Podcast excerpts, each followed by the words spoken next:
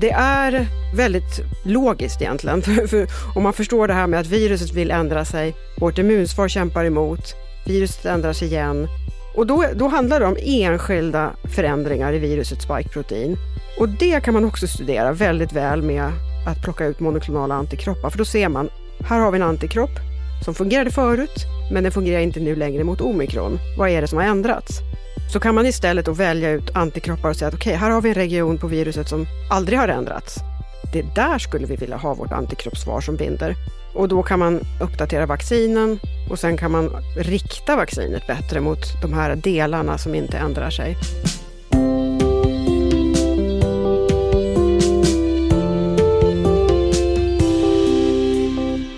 Våren 2020 spreds viruset SARS-CoV-2 över världen och det spreds fort. Dels för att den moderna globaliserade världen är som gjord för att virus ska spridas fort. Dels för att viruset var nytt och ingen hade någon immunitet mot det. Och trots att världen var modern så var metoderna för att stoppa viruset traditionella. Allt vi kunde göra var att tvätta händerna, hålla oss hemma och hålla två meters avstånd. Men om nackdelen med den moderna världen är att virus sprids fort, så är fördelen att idéer också gör det. Redan några dagar efter utbrottets början så fanns virusets arvsmassa tillgänglig för forskare och inom några veckor kunde man börja ta fram vaccin. Och inom ett år så började de första människorna vaccineras mot covid-19. Aldrig förr har man skapat vaccin mot en ny sjukdom så fort.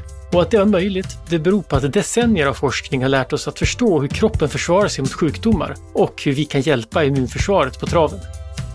Du lyssnar på Idéer som förändrar världen, en podd från Nobelprismuseet. Jag heter Gustav Källstrand. Och jag säger välkommen till dig Gunilla Karlsson Hedestam. Välkommen! Tack så mycket.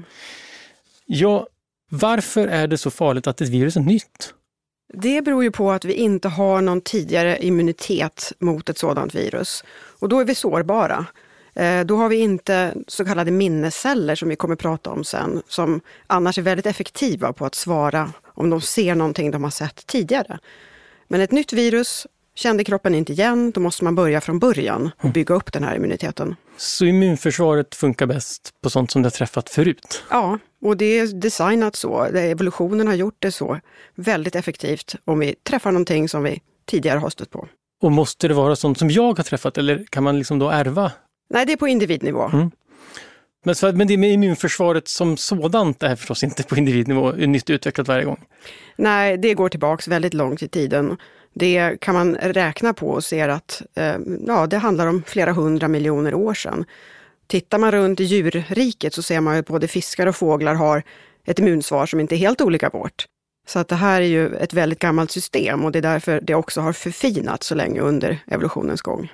Det här har blivit mer sofistikerat. Vi har en förmåga att, att känna igen extremt många olika främmande former av smittoämnen som kan ta sig in. Och vi har olika grenar av immunsystemet som gör olika saker.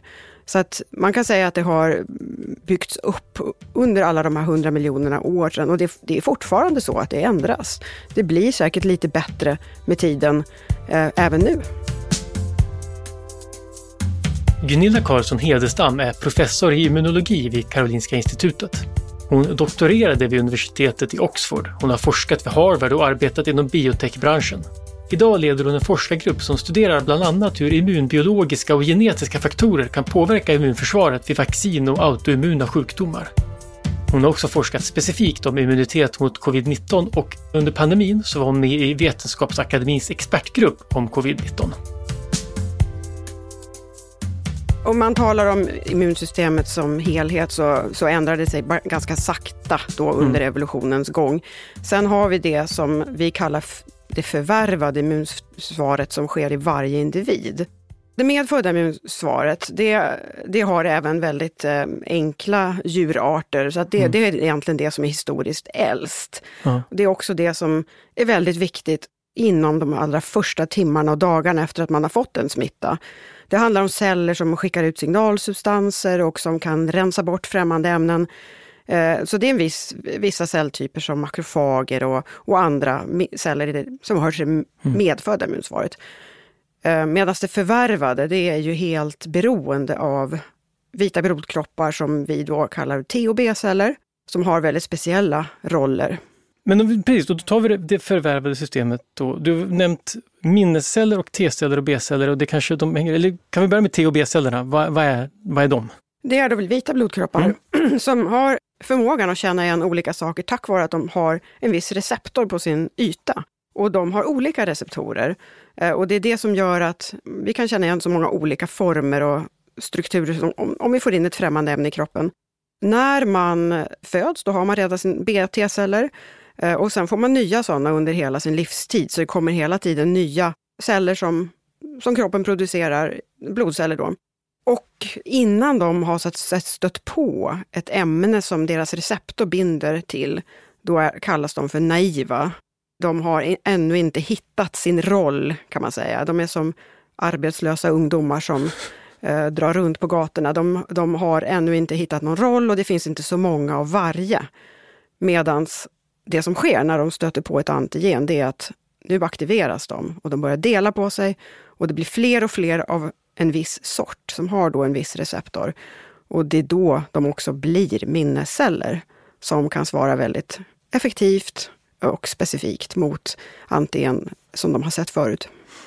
Men de här, om man tänker på de här arbetslösa ungdomarna, alltså de utbildar sig så, säga, inte aktivt i förväg utan det första de ser är ett jobb de vill ha som, de, ja, som det passar. Om det råkar vara så att de har en receptor som känner igen något som kommer in i kroppen, det är då de får den här signalen att att eh, börja dela på sig och bli mer specialiserade.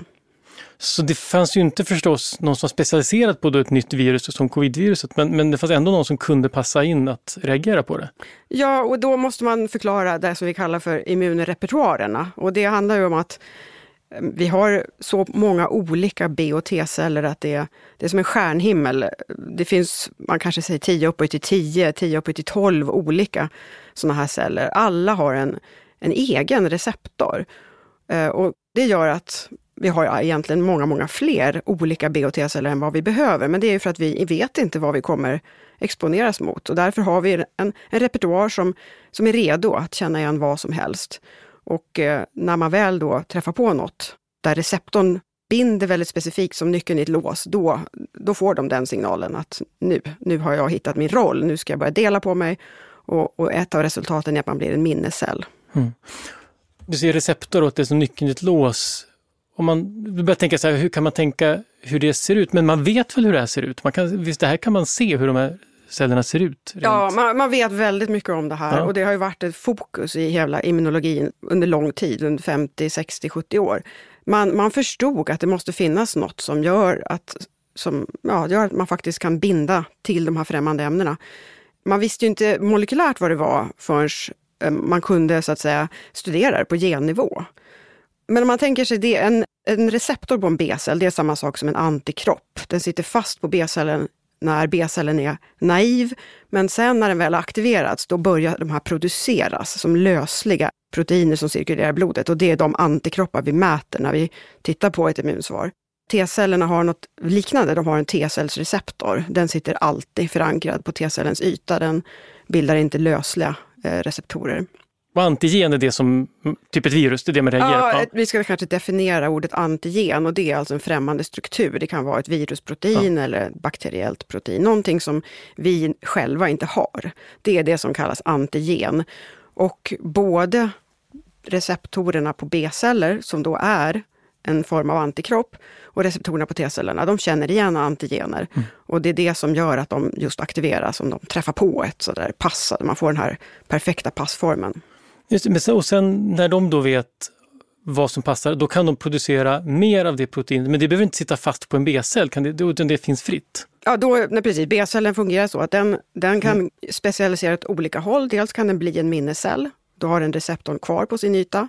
Det är som en, ett arkiv av allting vi har stött på tidigare i livet. Men sen kan den också specialisera det åt ett håll när den blir en plasmacell som producerar antikroppar. Och det är en väldigt viktig, en fundamental del av ett immunsvar. Eh, så att, att förstå just hur de här cellerna reagerar när de har aktiverats av ett antigen, det är ju det som många immunologer sysslar med. Och det som är intressant det är ju just att de har den här fantastiska förmågan att känna igen så mycket olika. Och då, för att förklara det, behöver vi prata mm. om hur bildas de här receptorerna. Mm. hur bildas de? ja, eh, och det här, det här var ju ett, ett Nobelpris till, som gavs till Tony Gava, där man tittade just på hur generna ser ut. Man hade förstått att det finns en väldigt stor mängd olika receptorer. De, de ser i stort sett likadana ut, men de har lite olika passform.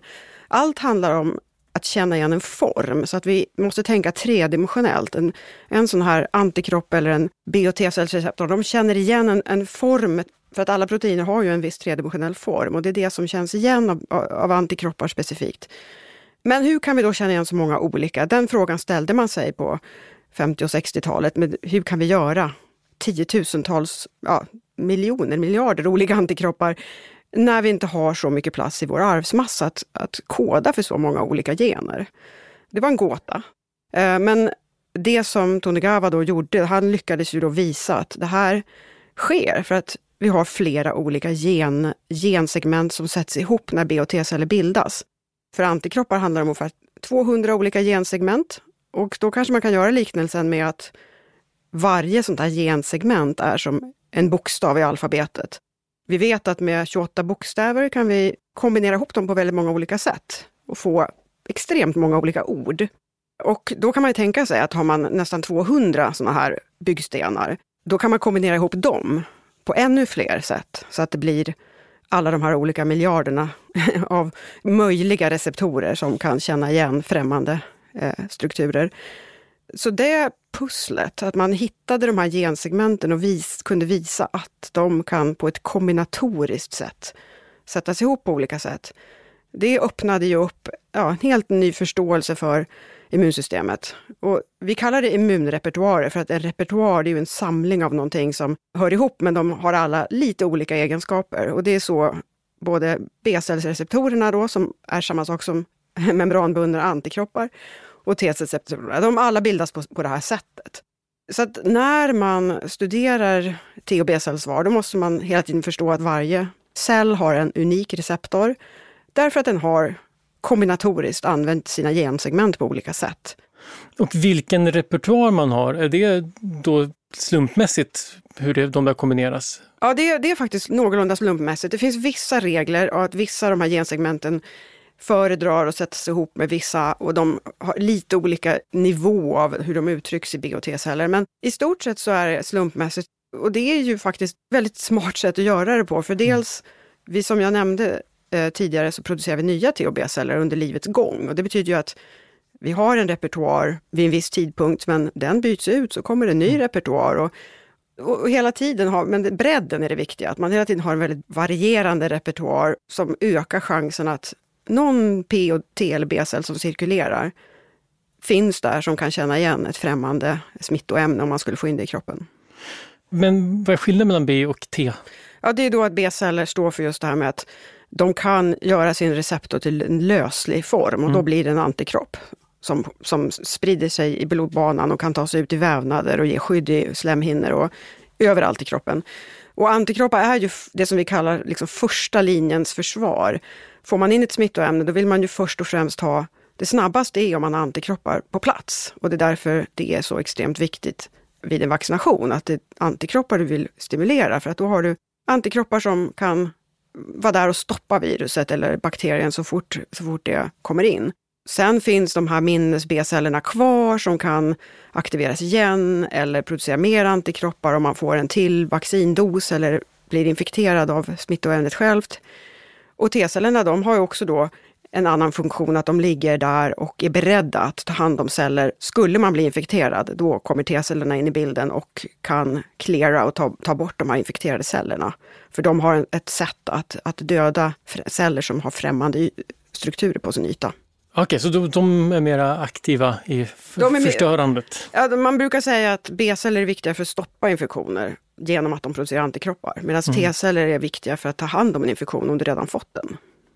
Men de samarbetar ju, så att det som sker ofta när man har immunitet, det är ju att vi har antikroppar som stoppar det mesta, men oftast inte allt. Utan många infektioner kommer ju förbi lite grann. Då kommer T-cellerna in och tar hand om resten. Men har man inte ett antikroppssvar, då får man ju en mycket, mycket kraftigare infektion. Man får mycket mer smittoämnen in som det blir, för, det blir ett väldigt tungt jobb för T-cellerna. Så det är ju ett samarbete. Mm. Och första, första, så att säga, det som är dörrvakten, så att säga, det är antikropparna som stoppar det så att det inte, förhoppningsvis det mesta inte kommer ens in i våra celler. Att man kan bli immun mot en sjukdom efter att ha haft den, det har människor vetat länge. Men att man kan bli immun mot en sjukdom utan att ha haft den, det är en nyare upptäckt. Det första steget togs på 1700-talet i och med upptäckten att man kunde bli immun mot en sjukdom, smittkoppor, om man hade haft en annan sjukdom, kokoppor. Man visste inte varför det fungerade, men det betydde att man kunde skapa immunitet även med ett virus som såg annorlunda ut än det man blev sjuk av. Det betydde att om man kunde förändra ett farligt virus så att det blev mindre farligt så skulle det också kunna fungera på samma sätt.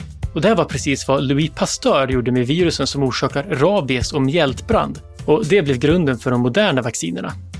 Länge trodde forskarna att virusen som behövdes för vaccin bara kunde odlas fram i djur, som Pasteur hade gjort.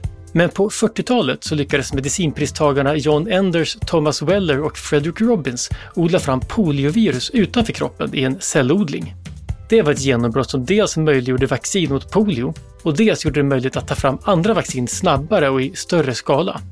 De här klassiska vaccinen byggde på att man förde in hela virus i kroppen.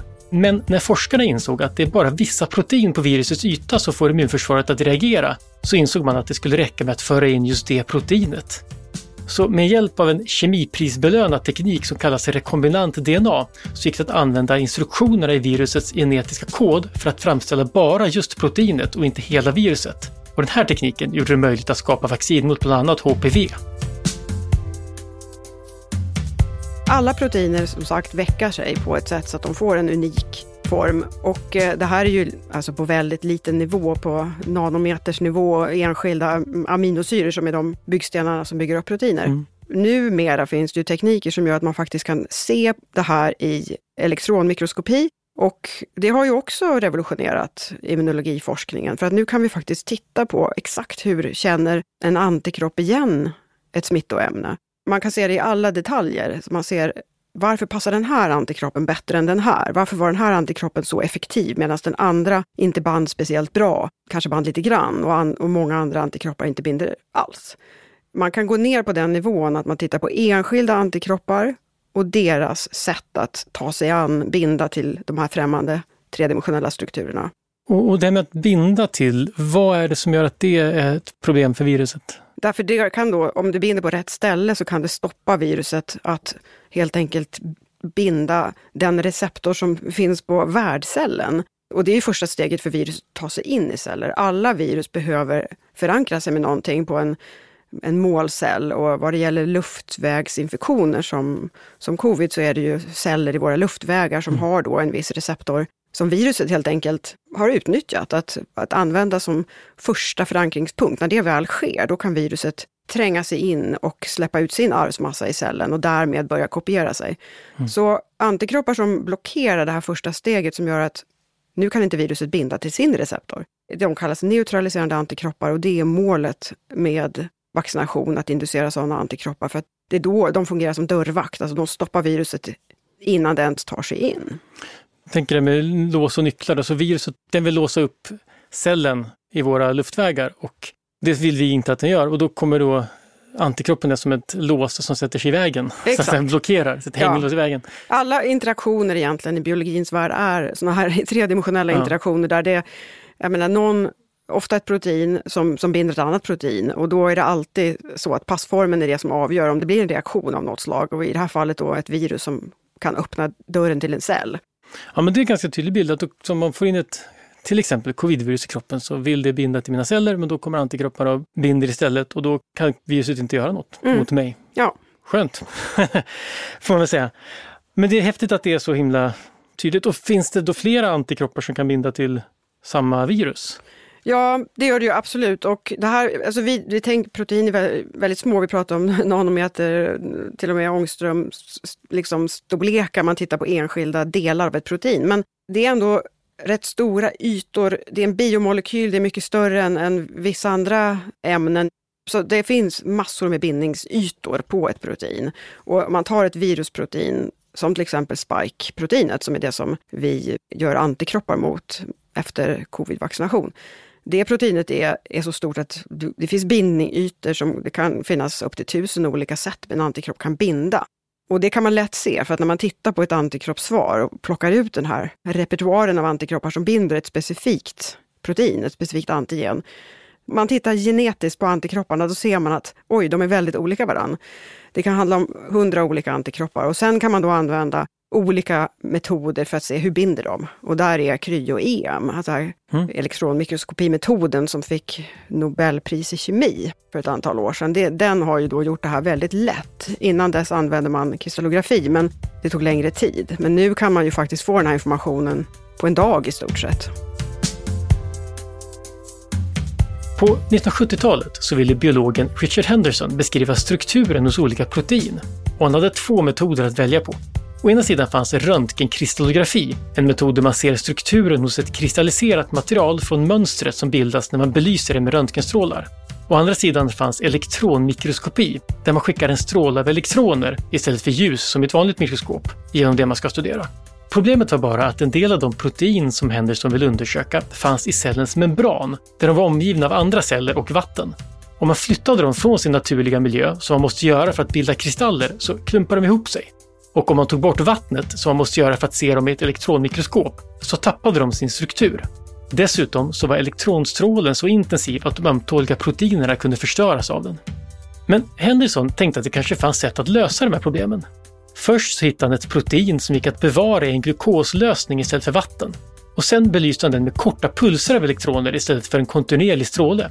Visserligen gjorde det att bilden blev suddig, men genom att använda samma slags matematik som i röntgenkristallografi så kunde man använda skuggorna från genomlysningen för att räkna ut deras struktur. Nästa steg i utvecklingen var att använda flytande kväve för att frysa proteinerna så snabbt att de inte skadades. På så sätt kunde man få fram ögonblicksbilder av hur de såg ut i sin naturliga miljö. Och genom att sedan lägga ihop många sådana bilder så får man en inte bara tredimensionell bild av proteinerna, utan man kan också avbilda hur de rör sig när de reagerar med andra molekyler. En slags filmer på molekylär nivå. 2017 så fick Richard Henderson tillsammans med Joakim Frank, som utvecklade bildhanteringen, och Jacques Dubochet som utvecklade frysningen, Nobelpriset i kemi för utvecklingen av den här metoden som alltså heter kryoelektronmikroskopi, men som oftast kallas CM eftersom det är svårt att säga kryoelektronmikroskopi. Om man tittar på hur antikroppar binder ett målprotein, som Spike då i det här fallet, då kan man ju se att oh, här har vi några riktigt effektiva antikroppar. Då kanske vi kan designa om vaccinet så att vi, det blir ännu bättre på att stimulera den typen av antikroppar så man får fler av dem och färre av någonting annat. Så det är lite så man kan använda strukturbiologin i vaccinforskningen. Ja, T-cellerna, det är alltså de som när då viruset har bundit till en cell, då kan de göra någonting åt det. Ja, om viruset har tagit sig in och startat den själva infektionen så att nu produceras virusets alla proteiner i cellen och viruset håller på att kopiera sig. Då sker det som, eh, som är viktigt för T-cellen, det vill säga vissa av de här antigenen, och det är oftast det är då fragment av dem, de bryts ner i lagom stora bitar och sen presenteras de av något som kallas HLA-molekyler. Det är våra vävnads antigen som spelar stor roll i i eh, till exempel transplantation också. De har en förmåga att presentera små fragment av främmande ämnen så att T-cellerna ser detta. Och eh, HLA-molekylerna, alltså de här vävnadsantigenen, de är också väldigt varierande mellan personer så att det kan skilja sig lite vem som är bra på att stimulera ett visst T-cellsvar och vilka som kanske inte är riktigt lika effektiva. Men det handlar alltså om att T-cellerna, de, de kommer in i bilden när en cell redan har blivit infekterad och den då visar upp de här små främmande fragmenten som här är något främmande, svara. Och då svarar man genom att? Om vi pratar om vad T-cellerna gör så ja. är, då kan de känna igen en infekterad cell och, där, och så döda den helt enkelt via substanser som den utsöndrar. Ja, den botar inte cellen, den dödar cellen? Ja. Det, aha, okay. ja, det var ju brutalt. Men det kanske, vi kanske har fler celler kvar? Det finns väldigt mycket celler. Det, det är, så här fungerar det hel, alltid. Så det, det är mycket bättre att bli av med en infekterad cell du kan alltid ersätta cellen. Det. Eh, det finns någonting som heter monoklonala antikroppar. Ja, och det pratade vi faktiskt om nu då, indirekt. Jag nämnde inte ordet, men det är bra att du gör det. En monoklonal antikropp är en enda antikropp i den här stora repertoaren vi har. Så säg att vi har miljarder antikroppar som cirkulerar runt Man kan plocka ut enskilda sådana. Det, det gör man med en metod som också fick ett Nobelpris. Och det ju, har ju varit väldigt viktigt både för forskningen och för läkemedelsframställningen. Det var ju priset till Järne, Köhler och Milstein 1984 och det de visade det var att vi kan ju faktiskt isolera enskilda antikroppar, det vill säga då har man generna för de antikropparna som man genom traditionella molekylärbiologiska metoder kan också då producera i ja, oändlig mängd så att vi kan göra både ja, all möjlig utforskning av hur de här antikropparna, vad de har för egenskaper, hur de binder, vad de har för biologiska effekter. Så det handlar om alltså en enda antikropp som kommer från en enda B-cell. Nu för tiden görs det här ganska standardmässigt i, inom immunologilabb som, som studerar B-celler. Vi kallar det klona ut antikroppar, det vill säga man tar en sån här antikropp som har producerats i en B-cell och sen kan man då producera den på laboratoriet helt enkelt. Så en monoklonal antikropp, det gör att vi kan titta på en i taget. Om man tittar på alla våra cirkulerande antikroppar som finns i blodet, då är det en kombination av massor av olika antikroppar och då får man ju bild på, har vi svar som känner igen vissa smittoämnen? Men, men det är ju inte någon hög upplösning på det, utan det som ger oss upplösningen, det är när man tar, plockar ut dem en i taget och studerar. Och det har den här tekniken då som låter oss göra monoklonala antikroppar, den, den tillåter att man gör det här. Och då kan man till exempel titta på, mest på strukturen. Hur binder just den här antikroppen? Binder den på ett ställe som gör att vi blockerar viruset effektivt eller binder den lite utanför den delen mm. av viruset? Och eh, det är ett, ett verktyg som jag skulle säga är oumbärligt nu för tiden. Till exempel finns det ju personer som har immunbrist som inte svarar bra på vaccination.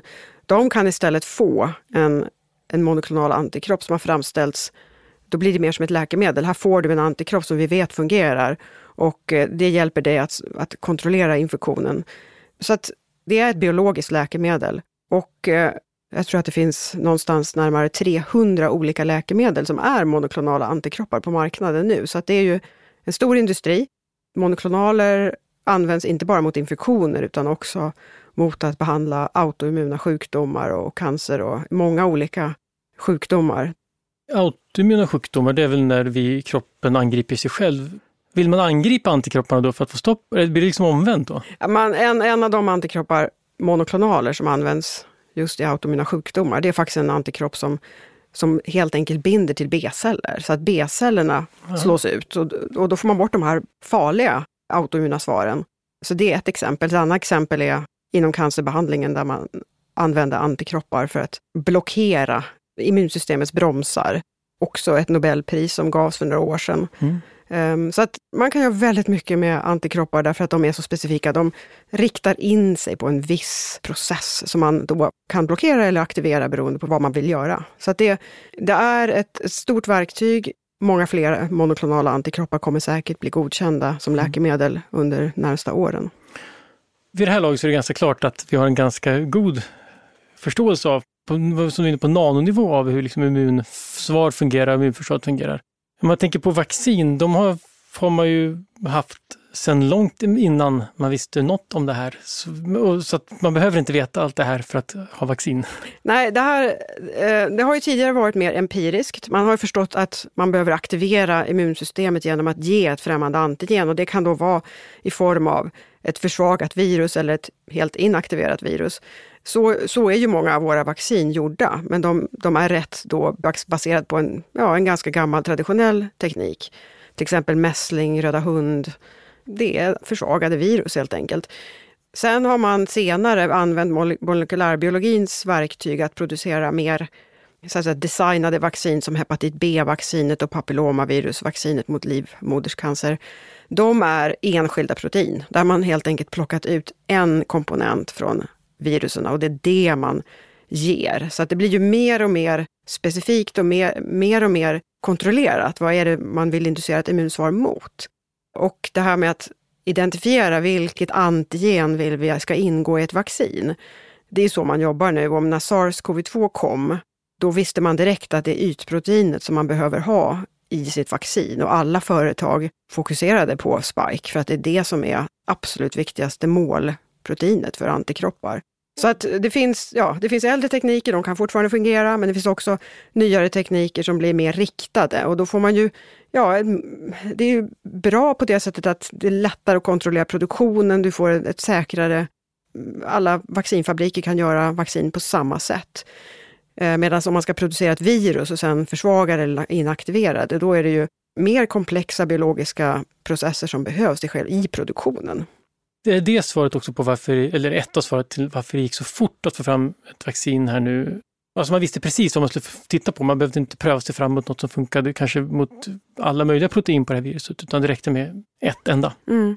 Ja, det visste man och det, det fanns väldigt mycket, väldigt fin forskning och vaccin man hade börjat utveckla mot det första sars-cov-viruset som kom 2003. Det, hade man, det behövdes ju till slut inte för det, den pandemin, eller epidemin kontrollerades ändå. Men man hade gjort så mycket att man visste att det är helt klart den här vägen vi måste gå.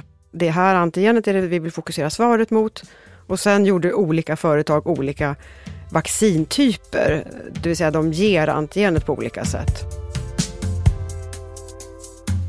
Efter att Francis Crick tillsammans med James Watson upptäckte DNA-molekylens struktur i början på 50-talet så fortsatte han att utforska hur det gick till när informationen i DNA får protein att tillverkas. Och så småningom formulerar han det som han kallar för den centrala dogmen. Att information går från DNA till RNA och vidare till protein. Det är alltså RNA, eller närmare bestämt budbärar-RNA, som transporterar information till de delar i cellen där protein tillverkas. Det var en upptäckt som Jacques Monod, François Jacob och André Leoff fick Nobelpriset för 1965. Många tänkte tidigt tanken att man skulle kunna använda det här mRNA för att göra vaccin. Men även när man har hittat sätt att tillverka mRNA utanför kroppen så fanns det en del problem. De här RNA-molekylerna var ömtåliga och svåra att få in i cellerna och även när de väl var där så orsakade de inflammationer. Så därför de flesta forskarna gav upp den här idén. Men det var just de här problemen som Caricot och Wiseman lyckades lösa och tack vare det öppnades dörren för att använda mRNA i vaccin. Och ett mRNA-vaccin fungerar alltså genom att mRNA som innehåller information om ett visst protein injiceras i cellen och där fungerar de som en slags instruktion som får cellen att tillverka det protein som behövs. Och när proteinet dyker upp på cellens yta så reagerar immunförsvaret på det. Det speciella med mRNA-vaccin är alltså att de får kroppen att själv producera proteinet som aktiverar immunförsvaret.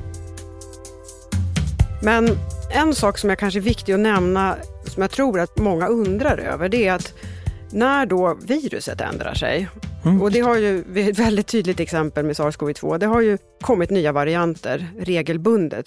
Vi har sett nya varianter som har kommit, alfa, beta, delta och så vidare och sen omikron och numera är det ju helt och hållet omikron som cirkulerar, men olika subvarianter av omikron.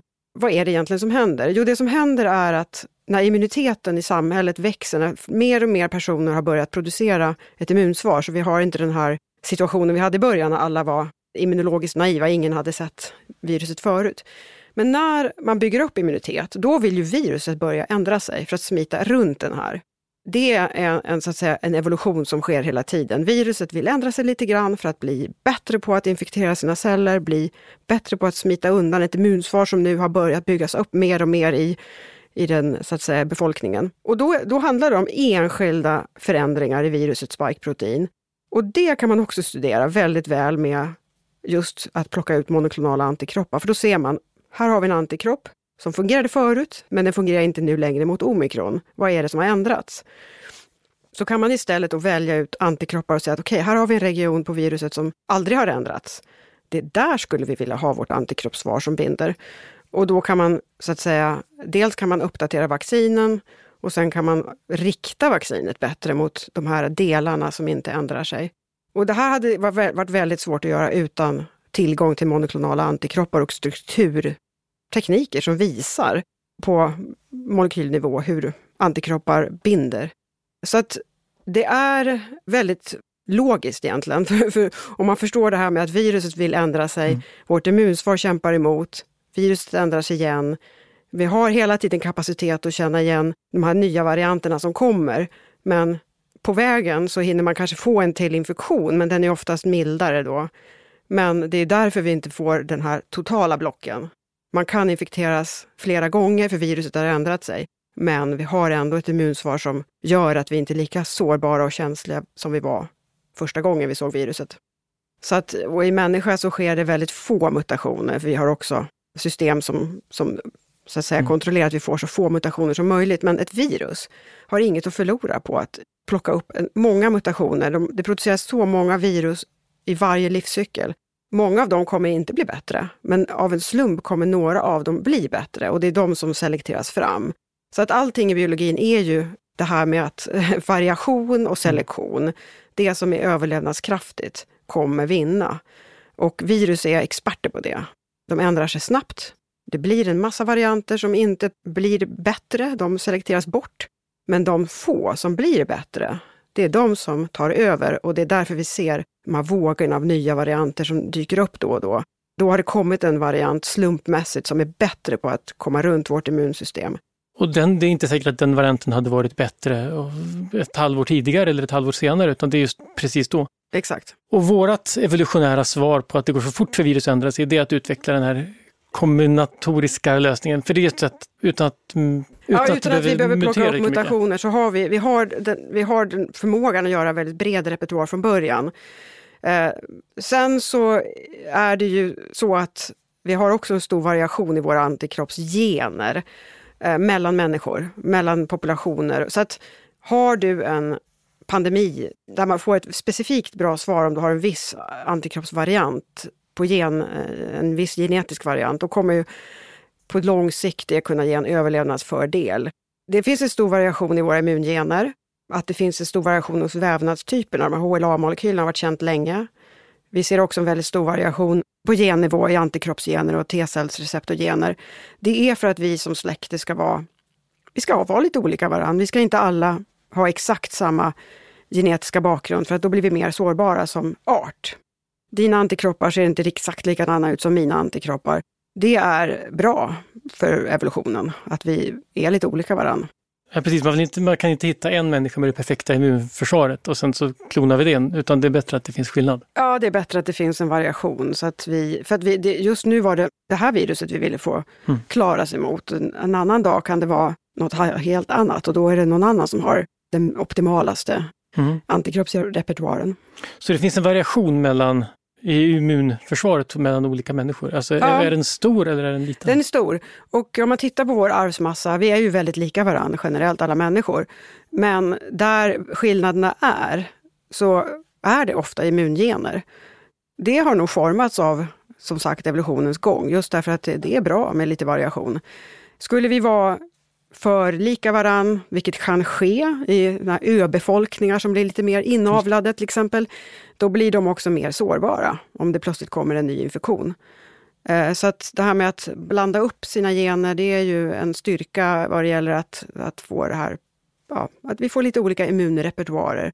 Därför att vi vet inte vad man behöver skyddas emot. Det är väl också viktigt, tänker apropå djurs immunsystem, att om man tänker på djuravel är väl ett stort problem när man avlar på för få. Att det finns för liten variation. Verkligen, verkligen. Hos- Och det är ett uppmärksammat ämne vad det gäller till exempel kycklingindustrin. Ja, precis. Jag tänker även så här, kennelklubbar ägnar sig åt, det är väl ett av skälen till att de har en funktion, att man ska ha, hålla koll på genetiska variationen. Ja, Det kanske inte var tänken från början, men nu är det väl en funktion? ja, man kanske inte har förstått varför alltid, men det, det är uppenbart om man börjar titta på var i vår arvsmassa skiljer vi oss mest. Då är det ofta immungenerna. Vi började med det här med covid-vaccinet ändå och, och de här nya vaccinerna. Nu behöver vi förstå att det gick fort att ta fram det därför att det visste ganska mycket. Men det är också det är tekniken bakom det så att det till och med fick ett Nobelpris. Vad är det som är speciellt med den tekniken som man gör vaccin med nu? Ja, då tänker du på de vacciner som gjordes eh, av två av företagen, Pfizer och Moderna, och det var mRNA-baserade vaccin. Precis. Och det var ju de som faktiskt blev klara först. Det som är speciellt är ju antigenet är ju i stort sett samma, oavsett om man använder mer traditionell teknik eller om man använder den nya mRNA-tekniken. Men det som är så att säga väldigt praktiskt med ett mRNA-baserat vaccin, det är ju att det är lättare att producera. Du behöver inte producera själva proteinet, vilket kräver mycket mer processer på de här vaccinfabrikerna. Ett mRNA är rätt så lätt att producera och sen ger man det till kroppen så att vi, våra eget maskineri, kan producera proteinet i våra celler.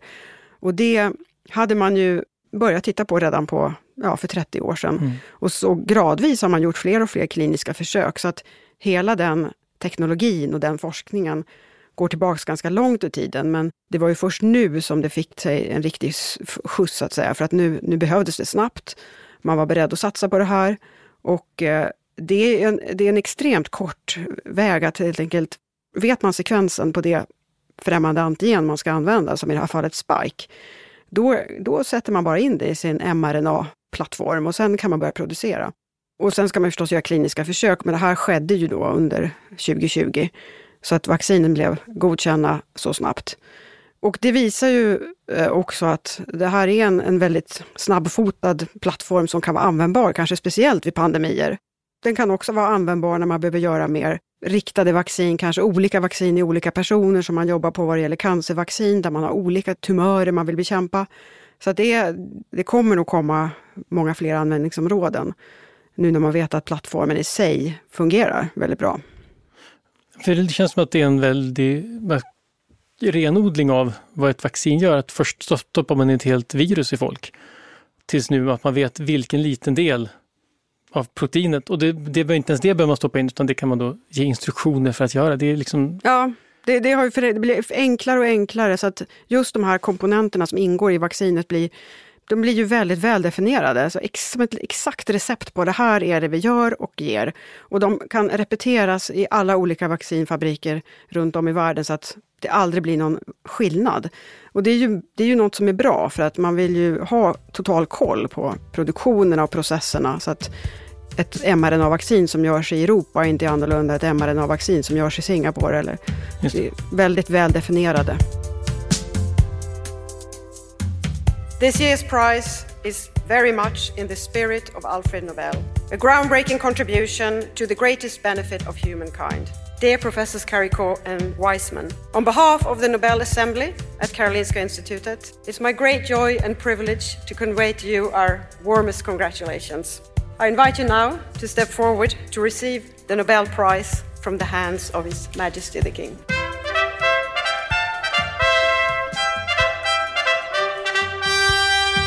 Så här lät det när Gunilla Carlsson Hedestam, som inte bara är professor i immunologi utan också ordförande i Nobelkommittén för fysiologi eller medicin, avslutade sitt tal på prisutdelningen den 10 december 2023 med att be pristagarna Kottolin Kariko och Drew Weissman att ta emot sina Nobelpris. Karikos väg till det här priset var långt ifrån rak. Hennes karriär har varit kantad av motgångar som har berott dels på att forskning om RNA sågs som en återvändsgränd och dels på att hon har varit mer fokuserad på forskningens innehåll än på det sociala nätverkande som ofta krävs för att lyftas fram, även i forskarvärlden. En person som inte avskräcktes utan tvärtom uppskattade Karikos tydlighet och raka sätt, det var Drew Weissman. De träffades vid kopiatorn på universitetet där de kopierade artiklar ur tidskrifter som inte fanns online än. Och när de upptäckte att de hade gemensamma intressen så började de samarbeta. Men trots att deras forskning ledde till det genombrott som så småningom gav dem Nobelpriset så fortsatte Karikos karriär att gå åt fel håll. För även om en del forskare och företag plockade upp deras arbete så var det fortfarande många som trodde att RNA-vaccin inte skulle leda någonstans. Pandemin förändrade det och Caricot, som vid det laget hade fått sparken från sitt universitet, gick från att vara en outsider till att bli en vetenskaplig hjälte. Hennes historia är en påminnelse om att morgondagens nobelpristagare mycket väl kan vara de som idag kämpar i motvind med sina idéer. Och om att vi kan missa viktiga genombrott om vi inte satsar på mångfald och bredd inom forskningen. Alla vaccin har ju det som mål, att man inte väntar på att infektionen ska komma, utan att man, man är proaktiv och mm. ger, inducerar det här svaret på ett kontrollerat sätt när man väl har fått upp sitt immunsvar, då har man fått minnesceller som kan svara väldigt effektivt om man sen blir infekterad. Du har både antikroppar och minnesceller som patrullerar runt och är beredda om man skulle få infektionen. Så att vaccination är ju ett väldigt effektivt sätt att minska de farliga konsekvenserna av infektioner. Så att, att, att ge speciellt riskgrupper, se till att de så att säga, har den mest optimala immuniteten de kan från början. Det är ju ett sätt att verkligen minska risken för allvarlig sjukdom och död. Men jag tänker det som att, för att om man skulle gå åt andra hållet, om man inte behöver vaccin så skulle man inte behöva minnesceller och då känns det som att de bör, annars skulle man behöva gå igenom varje, en infektion varje gång man träffar på ett virus. Det skulle vara rätt jobbigt.